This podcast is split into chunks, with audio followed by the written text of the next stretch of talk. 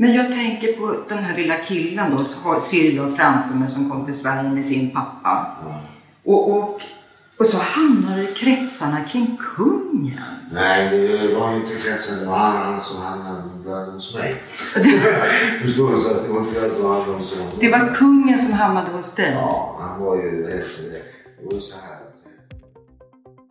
Under journalisten och författaren Jan Rauschers intervjuer med stripp och porrklubbsägaren och gangstern Mille Markovic vecklas ett händelserikt och spektakulärt liv ut sig. Mille föddes i Serbien år 1961 men flyttade till Sverige tillsammans med sin pappa några år senare efter det att hans mamma dött. Hans uppväxt i Sverige blev brokig och kantades av kriminalitet. Men till slut hittade han ett sammanhang inom boxning som han blev bra på. Han gick upp emot 100 matcher och vann 90 procent på knockout. Men boxningskarriären blir tyvärr inte långlivad och i slutet av 80-talet riktar Mille in sig på en karriär i krog och nattklubbsbranschen istället. Och det är då kungen och hans vänner hamnar i Milles nät. Du lyssnar på Motiv och på del två av sex om kungaskandalen. Nu över till Diane Rauscher. Men då började han att berätta om att han hade haft, han startade en restaurang. Eh, han, eh, han köpte en restaurang på Kungsholmen som hette Aquavit. Som han renoverade och, och gjorde i ordning. Och under den här restaurangen så fanns det stora utrymmen för klubbverksamhet. Och, och jag tror att de gjorde det officiellt, anmälde det som en slags eh, boxningsklubb då i början. Eh, inför myndigheterna. Men där drev han igång sin svartklubb Power, Club Power som den kallades för. Och det berättade han om. Det var en trappa ner där på Agnegatan. Ja, det var ju festmålningen där. Ja, just det. För att det, vi hade ju tillstånd, restaurangen hade tillstånd att ordna vad heter det, privata tillställningar och då var ju tvungen att söka tillstånd. Kan du beskriva lokalen som var en trappa ner när, där de här tillställningarna hölls? Ja, vi har renoverat ju den eftersom det blev som en grotta. En grotta? Ja, alltså olika gångar så, så det såg ut som en grotta. Det var ju fint. Sen, Och han berättade om eh, kungavännerna. Eh, och han berättade att kungen hade varit där vid några tillfällen. Och han berättade omständigheterna eh, runt omkring allt det här arrangemangen och tjejer som, som de fixade ifrån strippklubbarna då som han var verksam i. Mille utvecklar hur det hela gått till och vad han haft för roll i arrangemanget. Det mesta rör sig om en period under några år i början av 90-talet, då kungagänget, bestående av Anders Lettström, Aje Philipsson och Noppe Levenhaupt, och ibland även kungen själv, brukade husera på Milles svartklubb, Club Power. Den var belägen i de grottliknande utrymmena under restaurang Aquavit på Kungsholmen i Stockholm.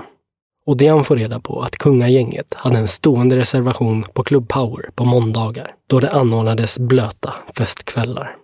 Kan du beskriva en sån fest? ja, det är så här, de är då mellan, mellan 10 och 15 stycken killar och lika många tjejer. Och eh, då skaffade man, eh, vad Christer Gustafsson var ju den som skaffade då tjejer. Eh, och då, bordsplan kallade man det. Och då har man raggat upp de här tjejerna ut på olika då, agenturer och olika, eller på Café Opera. Det var ju det som var inne just då mot 90-talet.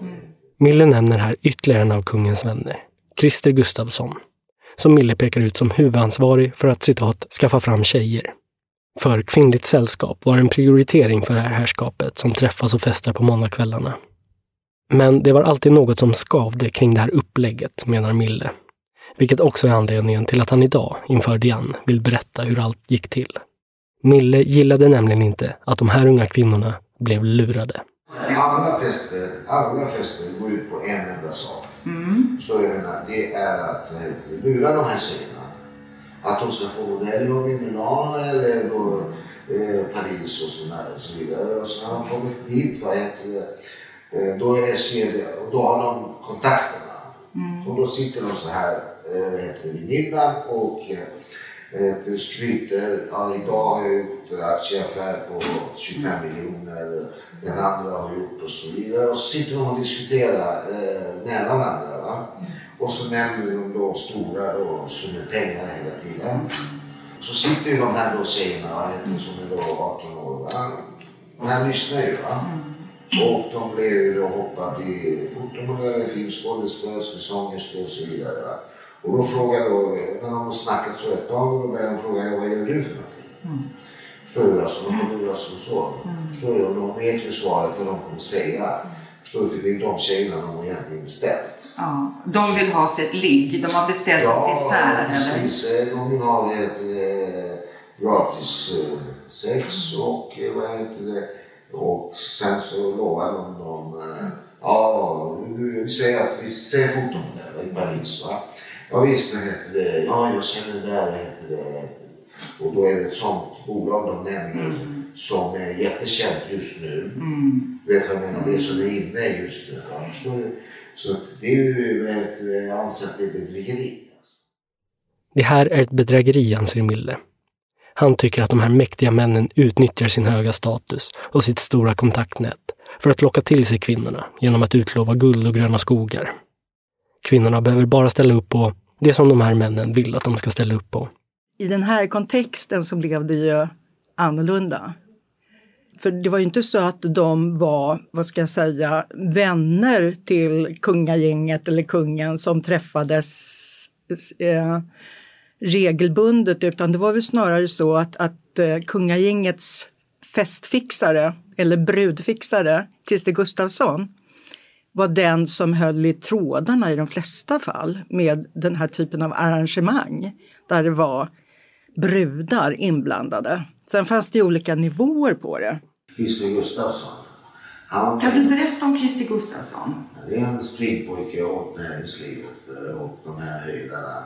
Vilka höjdare då? Ja, det är Anders Leffström, Aje Philipsson. De högsta här i Sverige. Noppe? Ja, hela gänget. Alltså. Och kungen? Ja, och kungen. Kungen var inte med så ofta så att man ska inte överdriva heller. För att han åker mycket utomlands också. Mm. Var, var, varför var han springpojke? På vilket sätt? Han var ju springpojke så här. Han var ju den som, som de eh, avlönade väldigt lite. Jag tycker han är utnyttjad på mitt sätt. Alltså jag skulle aldrig göra så som han gjorde i alla fall. Först och främst så var han och lurade tjejer. Och lovade dem eh, modeller. Mm. Fotomodeller i stort sett rummet. Var plockade han upp dem någonstans då?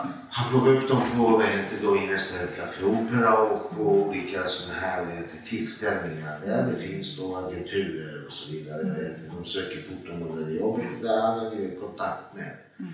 Och den här man märker på honom, åh han tycker det här är toppen alltså. Som, en, som en, ett, ett, ett avbrott i hans dagliga häktesrutiner så är det här, det här är ju fest för Mille. Eftersom Diane även beviljats videoupptagning så filmar hon intervjuerna med Mille och kan efter besöken visa upp intervjuerna för kollegorna Tove Meyer och Thomas Sjöberg. De häpnas av uppgifterna och Thomas tycker sig även se att Mille njuter av att äntligen få berätta allt det han så länge suttit inne på. Eh, och han pratar ju på i ullstrumporna. Han har inga problem att prata på.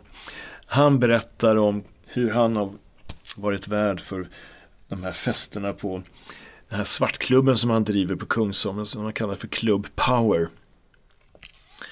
Eh, och där har ju då kungagänget, berättar Mille Fredén, stående reservation på måndagar så att de kallas för Måndagsklubben, det här gänget. Och då är det ju Anders Lettström som är så att säga den drivande i den här kungakretsen. Det är Noppe, Karl Adam Noppe Levenhaupt, greven den fattige greven. Vi har, som då också driver Noppes, eh, privatklubben eh, i Stockholm city. Och så har du eh, Playboyen, Anders Aje Philipsson. Arvtagare till Philipsson-koncernen som var den stora Mercedes generalagenten i Sverige. Eh, mamman Märta Philipsson och Aje ärver ju alla de här pengarna. Så han är ju Playboy, han som har pengarna i det här gänget. Och så är det då den här Christer Gustafsson. Länken mellan gangsten Mille Markovic och Sveriges konung. Christer Gustafsson de valde tjejer de skulle sitta tillsammans med? Eller var det du som arrangerade bordsplaceringen? Nej, det var Christer. Christer Gustafsson? Ja, det var Christer. Han hade hand om det. Vilken Christer? Gustafsson. Ja, just det. Ja, han hade hand om det för, och det var han som bokade också. Han, han meddelade vad heter det, antingen mig eller Darius på restaurangen. Christer Gustafsson, han, hans främsta merit i sammanhanget är att han, han är den tjejfixaren. Han fixar tjejer till fester. Han raggar upp brudar som han tar med till fester.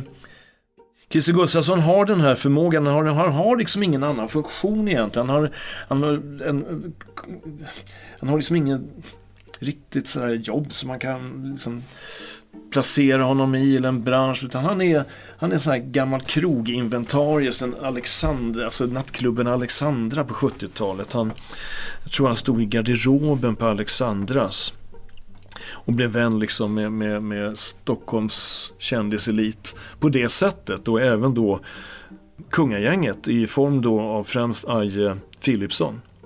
Så det är den funktionen han har. Han älskar ju det här.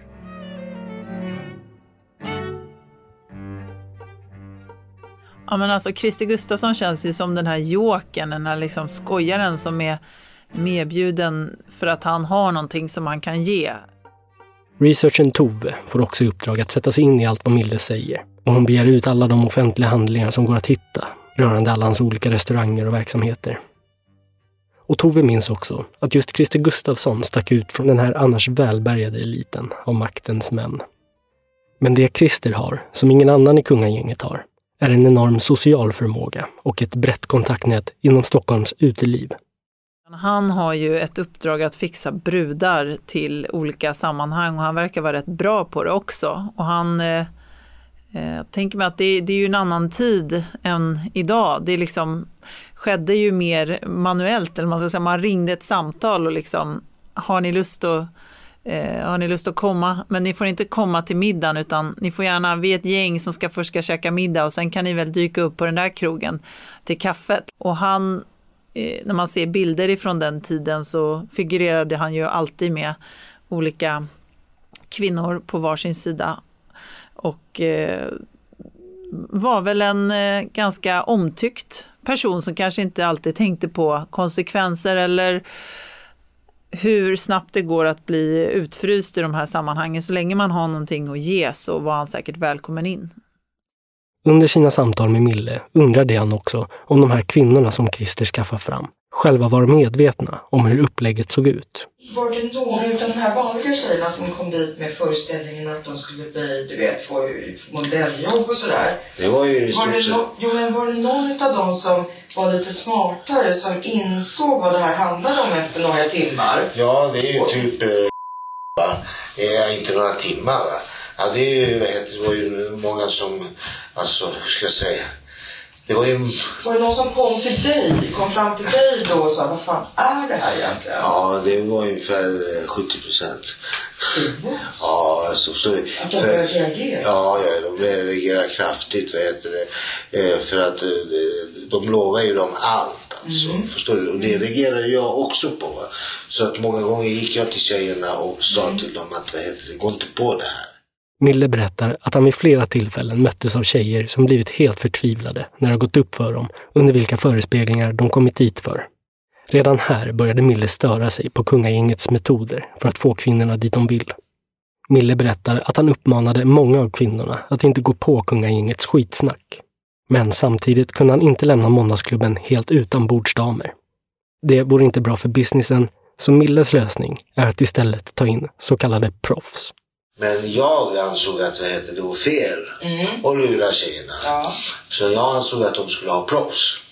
Och för det mesta var det ju stripper. Mm. Sådana som typ, vad heter det, eh, vad heter passade egentligen inte in så bra på klubbarna. Mm. På grund av att vad heter det, de gick för långt. Mm. Då använde jag ju dem. Det finns ju en tjej till som du, som heter... Och eftersom han hade väldigt många namn så var jag naturligtvis intresserad av att fortsätta våra samtal. Dejan pumpar Mille på information under många timmar. och Mille radar gladeligen upp namn på personer som han tycker att hon borde prata med. Så vem som skulle bäst kunna peka ut dem, va? det är Mm. Och- Ja, ja, vad bra. Alltså förstår du? Och vad heter det? Och vad heter det? Just, och de här tjejerna. Mm. Mm. Och eh, ja, där har du ju, hur ska jag säga, och, Jag tror hon fortfarande umgås med dem. ja, det kan jag tänka mig. Så med sig ut från mötena finner sig Diane med ett anteckningsblock fullt av namn och en tung sten på sina axlar. För att försäkra sig om att Mille talar sanning måste hon såklart kontakta de här kvinnorna. Och det är väldigt, väldigt känsligt det här. Att jaga personer som, som är beredda att våga berätta och framför allt i ett sånt här ämne. Jo, nej, men jag ringer dig. Alltså, jag har fått ditt namn utav Mille, Mille Markovic. Okej. Så det var ett väldigt, jag, jag tyckte det var jättejobbigt. Alltså, det var, varje samtal var, var en kraft, ett kraftprov. Och, och egentligen, alltså jag, jag, jag förstår att det kanske är jättejobbigt för dig att jag ringer och så, men jag är, är journalist och författare och kartlägga nätverket och festerna, umgänget och, och så vidare. Och jag har träffat Mille säkert 13 timmar eh, under en längre period.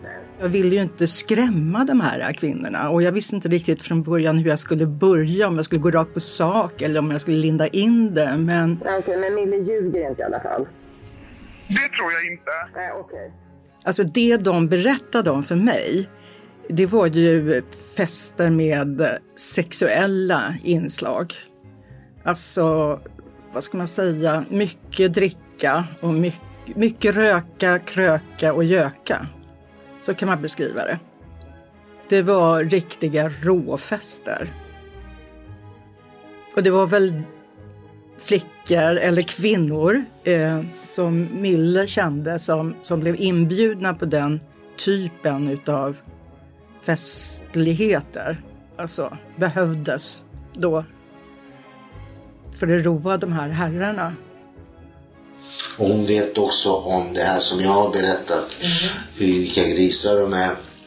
Och hon vet också om, eh, vad heter det här med eh, skatt. Och hon vet också om den här Christer Gustafsson med kungarna och hela skiten. För de har försökt få henne med en annan, det går inte att få henne. Men jag tänkte så här. Eh, vi ses ju nästa vecka. Ja, Men vi kan höras på telefon kanske? absolut. Jag kan. Jag kan ju tillägga också att, att en av orsakerna till att jag träffade Mille Markovic så många gånger och satt i många timmar och, och eh, pumpade honom på information. Det var ju också att jag upprepade frågorna gång på gång eh, för att se om detaljerna ändrades. Med risk för att du upplever att jag låter tjatig. Nej, nej, nej. så. Nej, nej, det är ingen risk överhuvudtaget. Så heter det. Och Eller om det var något glapp i det han berättade. Och det var inte det, utan allting, eh, vad ska jag säga, stämde på något sätt. Diane, Tove och Thomas gör nu sitt yttersta för att styrka upp det Mille säger. Det är ett svårt och i många fall känsligt jobb. Men de lyckas få uppgifterna bekräftade från flera olika håll. Personerna de pratar med lämnar i princip alla samstämmiga uppgifter. Eh, Men också att, att det var många källor som, som kunde verifiera varandra då, så att det inte bara var en berättelse från en person. För det var vi väldigt noga med, det här. Minst tre som på något sätt kunde styrka upp att olika saker hade hänt. Och det fick vi. Ja, Och det mest fantastiska är ju då att de här kvinnorna de berättar i princip samma historia allihopa. Med variationer självfallet. För de har ju inte pratat ihop sig om det här. De bekräftar det Mille säger, de bekräftar vad de, alltså de bekräftar varandras bekräftelse på det Mille har berättat för oss. Författartrion börjar nu få en bra bild över kungagängets festande och om hur arrangemangen bakom kulisserna såg ut. Det är minst sagt anmärkningsvärda uppgifter. Men det som också sticker ut är den miljö som kungen, så löst och ledigt, tycks ha vistats i. För det som också är anmärkningsvärt med Club Power är att lokalen tidigare utsatts för bland annat bombattentat och även varit föremål för en mordutredning efter det att en man påträffats avliden i lokalen med ett skott i huvudet. Detta visade sig senare ha varit en konsekvens av att mannen tvingats spela rysk roulette. Så det här stället var ju ett farligt ställe på sätt och vis också med tanke på att det var utsatt för just attentat och det hade skett det här mordet eller självmordet på kontoret då en trappa ner i källaren. Eh, så det var lite speciellt eh, att höra då av Mille att, att kungen och hans kompisar har befunnit sig på Club Power början på 90-talet. Det är oerhört skulle jag vilja säga eftersom det är en direkt olämplig miljö för en statschef att vistas i. Men för Mille hade det sina fördelar att ha kungen och hans vänner på besök. För då var lokalen under uppsikt av Säpo, vilket innebar att Mille slapp utstå diverse razzior. Så på det sättet hade ju också Mille någon slags skydd från liksom de makter och krafter som skulle vaka över kungens väl och ve. Och bara det för mig då som journalist så fanns det en oerhörd dramatik i den här storyn. Den var så stor och var så explosiv så att och samtidigt när jag säger det så, så vet jag också att för oss var det också business as usual. Det var bara att jobba på som journalister och bara gräva och gräva och få så många Dians främsta uppgift nu efter att ha träffat Mille, alltså hon spenderade ju... Diane fortsätter att träffa Mille, men hon vet också att kungens excesser inte enbart stannat inom Sveriges gränser. Sen åkte jag ju på resor. Jag åkte ut i världen, stora vida världen. Året innan hade Diane läst om kungen och hans vänners jaktresa till Bratislava, Slovakien. Eh, när de sköt 450 fasaner eller vad det var på några timmar. Det var alltså i januari 2008 som kungen och hans närmsta vänner åkte till Bratislava under stort hemlighetsmakeri. Väl där var det tänkt att de skulle jaga fasan. Men någon riktig jakt blir det inte, då det senare framkommer att över 400 fasaner mer eller mindre hetsats fram till gänget, som sedan roade sig med att skjuta prick på dem. Varje jägare hade dessutom vid sin sida en person som laddade om vapnet åt dem. Och när de var klara brydde de sig inte om att ta med sig fasanerna eftersom de var söndertrasade av allt hagel. Så de drygt 400 fasanerna lämnades kvar och omhändertogs av lokalbefolkningen. Det här läcker sedermera ut och skapar stora rubriker i kvällspressen. Men mot bakgrund av det Diane lärt sig om kungen och hans vänners övriga fritidsintressen misstänker hon att historien inte slutade där. Så väl på plats bestämmer hon sig för att på vinst eller förlust besöka Bratislavas kändaste strippklubb. Den hette Klubb Karat. Så jag gick dit en kväll, förutsättningslöst. Eh, innan de hade öppnat faktiskt. Och då stod det ett gäng eh, två meter höga, glada vakter. Eh, och jag började fråga dem om, om de hade jobbat där, om de jobbade där för något år sedan. Och det gjorde de. Och så, så nystade jag i, i historien Eh, det var inte så att jag la det i munnen på dem utan eh, de kunde berätta om det där med eh, kungagänget och kungen som hade varit där på besök och, och vad de berättade om vad som gjorde eh, att jag trodde på vad de sa eller att de verkligen hade upplevt det. Att de inte bara fabulerade för att tillfredsställa mig. Det var att de beskrev Noppe och hans utstående öron. Han såg så rolig ut, han såg ut som en seriefigur. och så visade jag en bild då på kungavännerna och så pekade de ut honom och skrattade. Men sen kom en av deras chefer och förstod att det här var känsligt, att vem är hon och jag är en journalist från Sverige och de fick på något sätt förbud att tala med mig. Så jag var tvungen att gå därifrån då. Men, men jag fick så, så pass mycket material att jag förstod att det att det, att det hade skett, att de hade varit där på besök. Jag menar, de hade ju kunnat gå ut och äta en underbar middag på en, en trevlig, populär restaurang, men det var strippklubben som var viktig.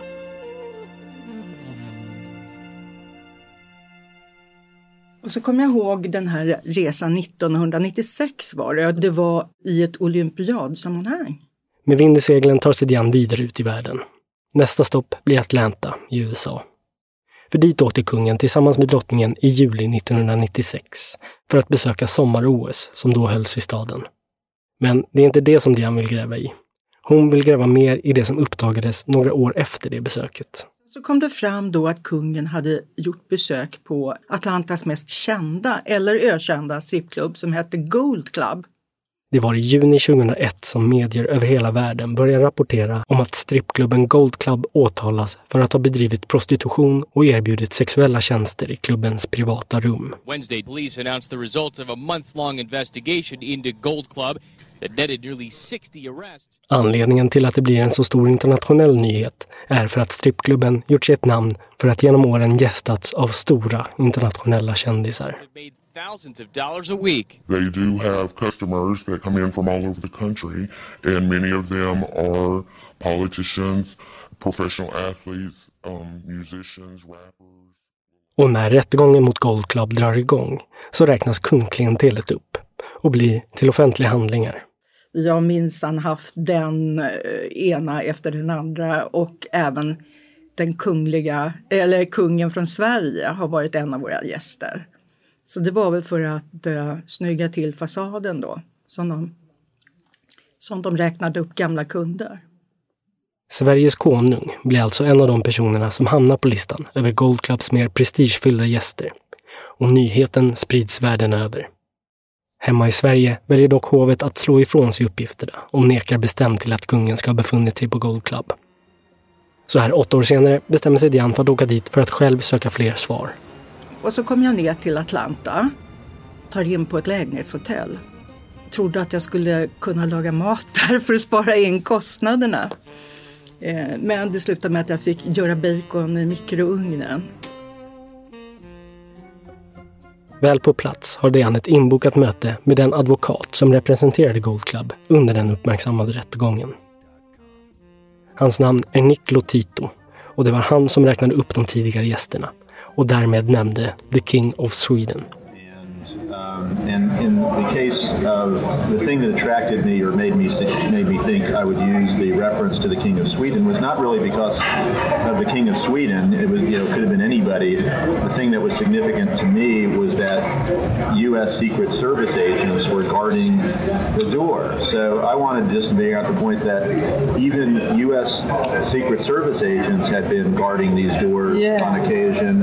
And so if something bad were happening, you know, they, they wouldn't allow that. And, and they were U.S. Secret Service agents. And how could the government claim that their own people would be guarding the door when and something bad would be going in there? And so I gave an example that when the King of Sweden came, they had the, the Secret Service was guarding the door. So the King of Sweden, though, he's a significant figure. Så anledningen till att Nick Lotito valde att nämna vissa av klubbens högstatusgäster, däribland Sveriges konung, var för att dessa gäster under sina besök hade skydd av USAs motsvarighet till Säpo, Secret Service.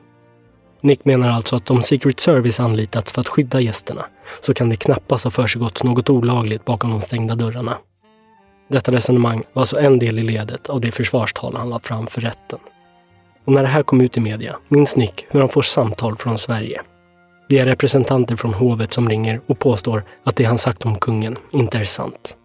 for me to be getting accused of, you know, slandering the because I, I had I, I wouldn't have said it if I didn't have credible information. Lotito slår ifrån sig anklagelsen om att han har hittat på. Han är säker på sin sak. Han har sett bevis på att kungen befunnit sig där och att han var där under skydd av Secret Service-agenter. Utgången blir till slut att åklagarna lyckas fälla klubbens ägare Steve Kaplan för bedrägeri och svindleri. Kort tid efter det stängs klubben ner för gott. Sen pratade jag med Roy. Men Diane fortsätter sitt grävande och träffar en av Gold Clubs managers, Roy Chicola, som var med och tog emot kungen när han var där på besök. he was treated like you know any other VIP customer, Yeah. and uh, we we brought him in, and we we he was t- taken up into one of our private rooms. Directly. Yes, So d- didn't any mention any special uh, uh, desires? You know, like he wanted. Uh, I actually didn't talk to him. I just shook his hand. did he That say something? I, I didn't speak to him. I just said I shook his hand, said hello, Yeah. and then I had one of my VIP hosts take care of him. Och mötet med Roy leder Diane till servitrisen som serverade kungen mat och dryck den här kvällen. Heather Rellinger. holy cow, I can't believe I'm getting ready to wait on the king of Sweden. I'm like, wow. Servitrisen Heather Rellinger var van vid att servera internationella superkändisar. Men att en kung var på strippklubb var uppseendeväckande även för henne. Och även Heather kan bekräfta det Roy nämnde, att kungen leddes upp till ett av deras privata rum.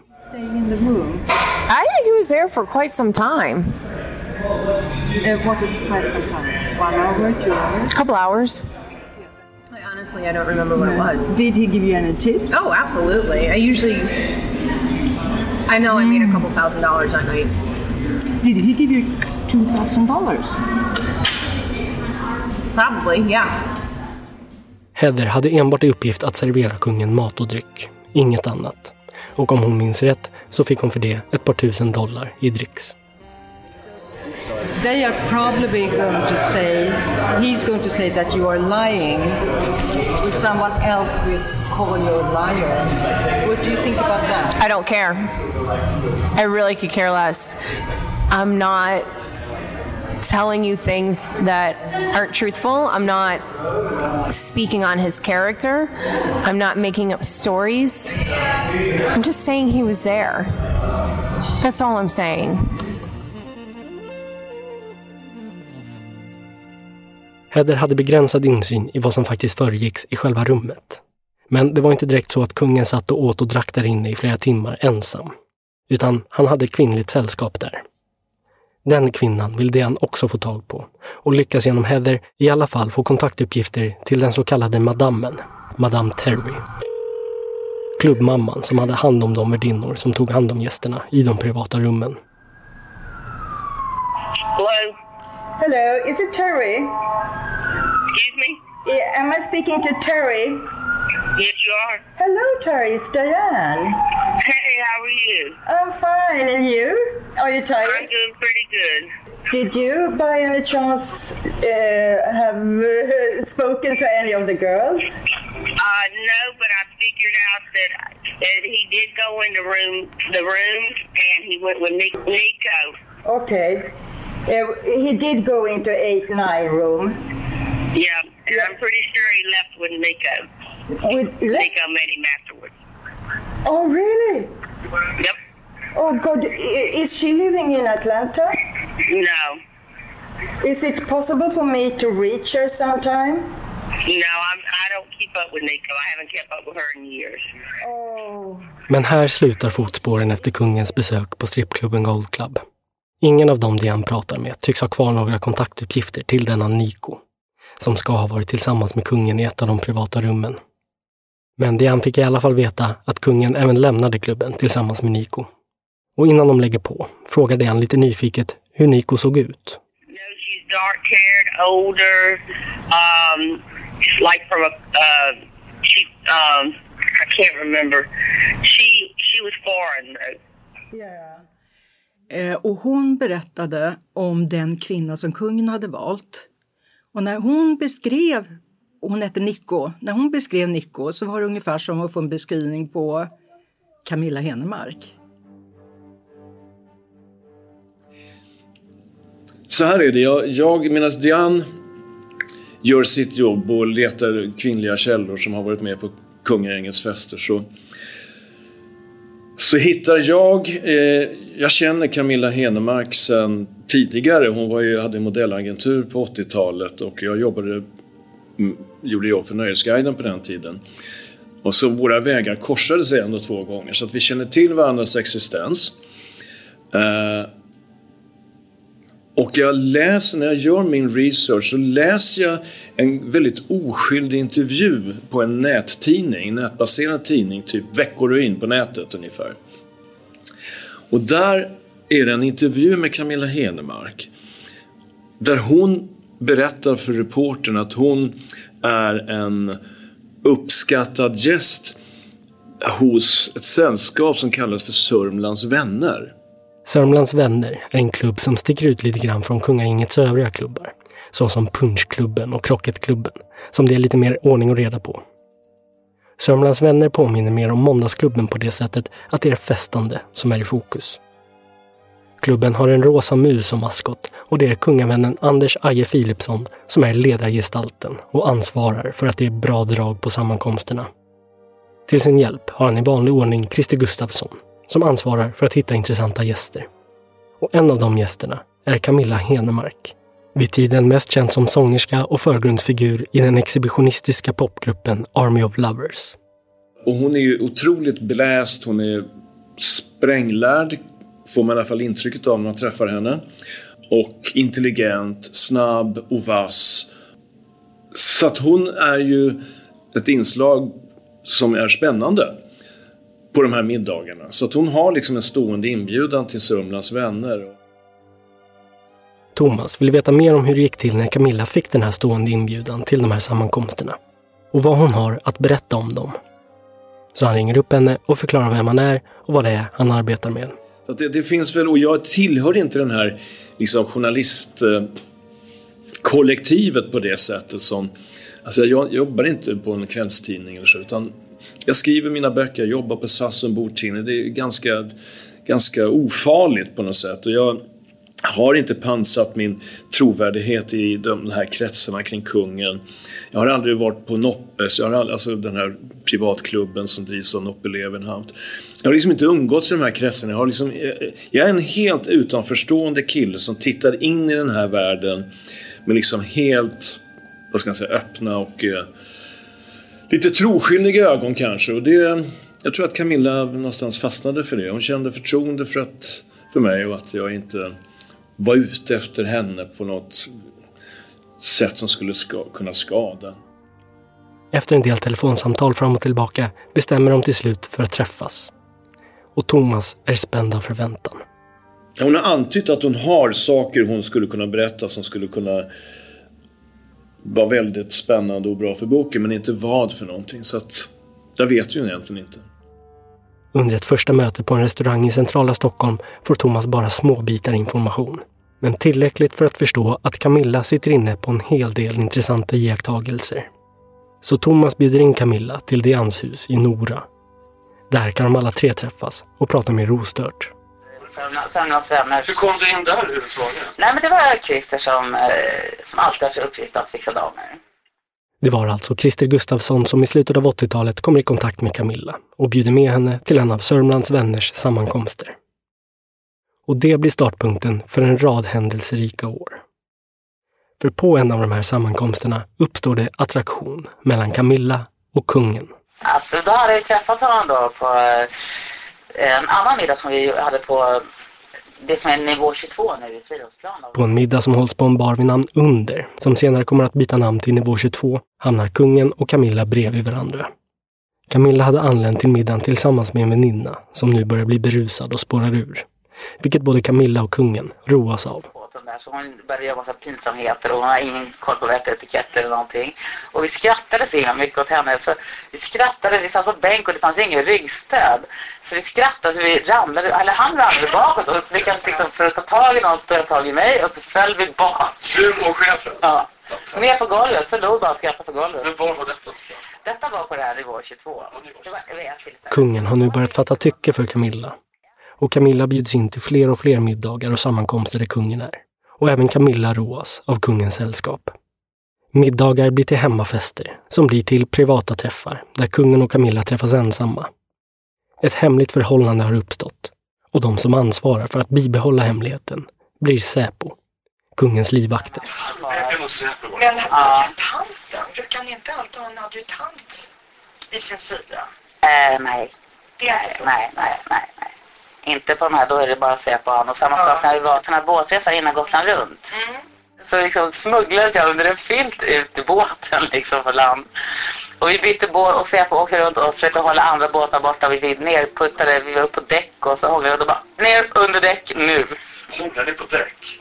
Ja men vi var fulla. Ja, jo, jag förstår, jag förstår. Man gör mycket dumt man är full. Ja, då väldigt, det- väldigt mycket straff. Har ni tjafsat om det här?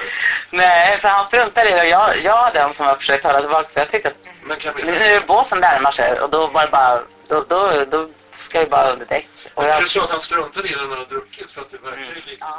Bilden som Camilla målar upp är att resurserna i form av Säpo-vakter som tillsatts för att skydda kungens liv snarare har haft fullt upp med att se till att kungen inte hamnar i tidningsrubriker. Något som både Thomas och Diane finner något anmärkningsvärt. Men då undrar jag, alltså Säpogubbarna som Ja. är med, Ja. försöker de hålla honom i schack? Ja. Yes, yes, yes. Eh, Lyder han? Ja, det gör han. Fast ändå inte. Ja, alltså det, han tar ju det när han säger så här, gå ner under däck nu. Ni kan inte så här hångla liksom, för nu kommer en båt åkandes där. Men Ja, Säpo, så det är Säpo i det här fallet har ju mer av en att hålla undan media eller andra människor än av säkerhetsskäl. Så. Det var mycket så här, liksom, så fort han lämnar rummet och gick toaletten eller någonting så sa han, hur länge tror ni kan hålla på så här liksom? Och lite sådana där glid, glidningar. Ja. Och så här, jag tänker inte, vad har jag tjänat på det liksom? Ingenting, fattar det? Men det är ju ett heltidsjobb för några människor. Ja, det är det det är. lite spännande. Och jag tyckte han var så oförsiktig. För att jag känner att jag kommer bli Sveriges mest hatade kvinna om det här kommer ut. Det måste vi förstå. Camilla minns kungen som oförsiktig. Och när hon ser tillbaka på det misstänker hon också att Säpovakterna blev ganska trötta på det här uppdraget de hade. Men Camilla blev en uppskattad gäst på de här sammankomsterna. Inte bara av kungen, utan av hela kungagänget. Hon blir fortsatt bjuden till gängets exklusiva julmiddagar och till deras spektakulära födelsedagsfester. Och en person som också alltid är med är Christer Gustafsson. Men tänk när Christer skriver sådana här, vad fan. God's sake, alltså vad... Under Thomas och Dians samtal med Camilla framkommer det även att kungens innersta krets nu tycks ha fått reda på att en bok är på gång. De misstänker att någon har börjat prata med författarna. snackat om att det var en journalist som höll på att jobba med det här. Mm. Och, Och Christer sa, ja, jugoslaviska och de här... Hur uttryckte de sig? Ja, det var Christer. Jag blev så överrumplad när han sa det. Och då sa jag, jag tror inte att det är du som har pratat därför att eh, de har rotat i det, de här brudarna från maffian någonting. Och jag bara, jag vet inte ens vad jag pratar om. Ja, det vet jag att du inte gör, sa han. Det är därför jag säger att du ligger inte bakom det här. Men vi vet att du har haft kontakt med en journalist. Ja, så sa jag lite så här halvöppet att ja, han har kontakt med mig. Ja, det sa han. Hur, men hur vet de det? Därför man har... Lyssnar Ja, det har han gjort. Det har han gjort. Men frågan är om om det är mig han åsyftar. Men det, det Ja, men måste det det är jag vara. som misstänker. Du kände ju inte till det. Men jag känner... Nej, men då är det någon annan som håller på att rota Nej, men det är så här. Mm. Att jag har gjort en serie intervjuer Mm. med eh, Mille Markovic. Mm. Du vet vem det är? Oh ja, oh ja, oh ja. Ja, precis. Och eh, jag har ju haft kontakt med flera utav hans gamla Mm. väninnor. Mm. Alltså, ja. Och de känner jag några. Ja, eh, och eh, en utav de här tjejerna, kvinnorna, blev förnärmad över att jag tog kontakt. Hon ville absolut inte. Och jag tror att hon har säkert ringt till Edström och berättat Det är inte omöjligt. och kopplingen Men då är det till Diane- Det kan det vara. Det är det, det, det, Det är det Diane. som har dykt upp. Det är ditt namn som har dykt upp. Precis. Vadå, har du, du har inte hört mitt namn va? Nej, nej, nej, nej, Och inte att det är en kvinnlig journalist? Nej. Alltså han sa bara det att det där känner du inte till någonting om. Mm. Nej det gör jag inte. Jag vet inte alls. Jag har inte vad så, men, men att jag, då, att, eh, att jag skulle ringa Lättström och det gjorde jag. Där har telefonsvaret och ringer upp en advokat och säger att du kontaktar mig om de kontaktar dig. Ja. Du vet inte vilken advokat? Nej, men alltså, jag var på gatan och det var det var så snabbt det här samtalet och okänt. Det var bara... Så advokaten ja, ja, order om att så fort någon frågar dig någonting om det här du, så ringer du till Lättström direkt. Ryktet kring bokprojektet har skakat om kungagänget så till den grad att kungens äldste och bäste vän, Anders Lettström, har kopplat in sin advokat som han uppmanar Camilla att ta kontakt med om journalisterna som skriver boken kontaktar henne. Advokatens budskap var att skrämma mig tror jag. Ja, det förstår jag. Men han sa ringa. Camilla upplever en viss hotfull underton i Lettströms uppmaning. Att budskapet är att skrämma henne till tystnad. Och efter det här börjar Camilla också känna sig förföljd. Som att någon har koll på vad hon gör och vilka hon träffar. Något som står klart är att det har skapats oro i lägret kring kungen. Du, jag måste säga? på det här. Ja. Jag måste bara ta upp eh, att jag tror att Anders Lettström Ja. och Christer Gustafsson och de här, du vet, vi har ju pratat med några människor. Ja. Man måste ju berätta vad man håller på med. Ja, Att de börjar bli medvetna Vad om vad vi håller på Ja. med. Och någon som kommer att bekräfta att det faktiskt är på det här viset är något otippat kungagängets festfixare Christer Gustafsson. Som Thomas till slut själv kommer att få prata med. De vet ju om det här. Ja. Vilka de vet om vad? Ah, ah, he- Hela gänget kring kungen. De vet ju om att den här är på gång. Och det har ju gått rykten om alla från Camilla Enemark intervjuade och allt möjligt. Va? Så att det är, jag har ju haft samtal med dem om att jag har ringt. Men det är inte Camilla som skvallrat om bokprojektet för Kungens vänner. Utan den som skvallrat är en av Thomas gamla vänner som nu vänt Thomas ryggen och istället valt att ansluta sig till fiendelägret. Tänker, vad i helvete har han gått bakom ryggen på mig? Jag tänkte, det här är ju inte klokt. Det här är bara de första av många desperata mörkläggningsförsök som Kungens vänner kommer att iscensätta för att stoppa boken, misskreditera författarna och tysta vittnen. Och historien om den verkliga kungaskandalen har precis tagit sin början. Du har lyssnat på podcasten Motiv och på del 2 om kungaskandalen. Serien om kungaskandalen är en samproduktion mellan Talltale och Sinaida Production. Producerat av mig, Nils Bergman. Medproducent Thomas Sjöberg. Ansvarig utgivare Jonas Häger. Kungaskandalen görs även i samarbete med Lexbase. På lexbase.se kan ni som betalande medlemmar ta del av tre kostnadsfria domar med rabattkoden MOTIV. Tack för ditt stöd och tack för att du lyssnar.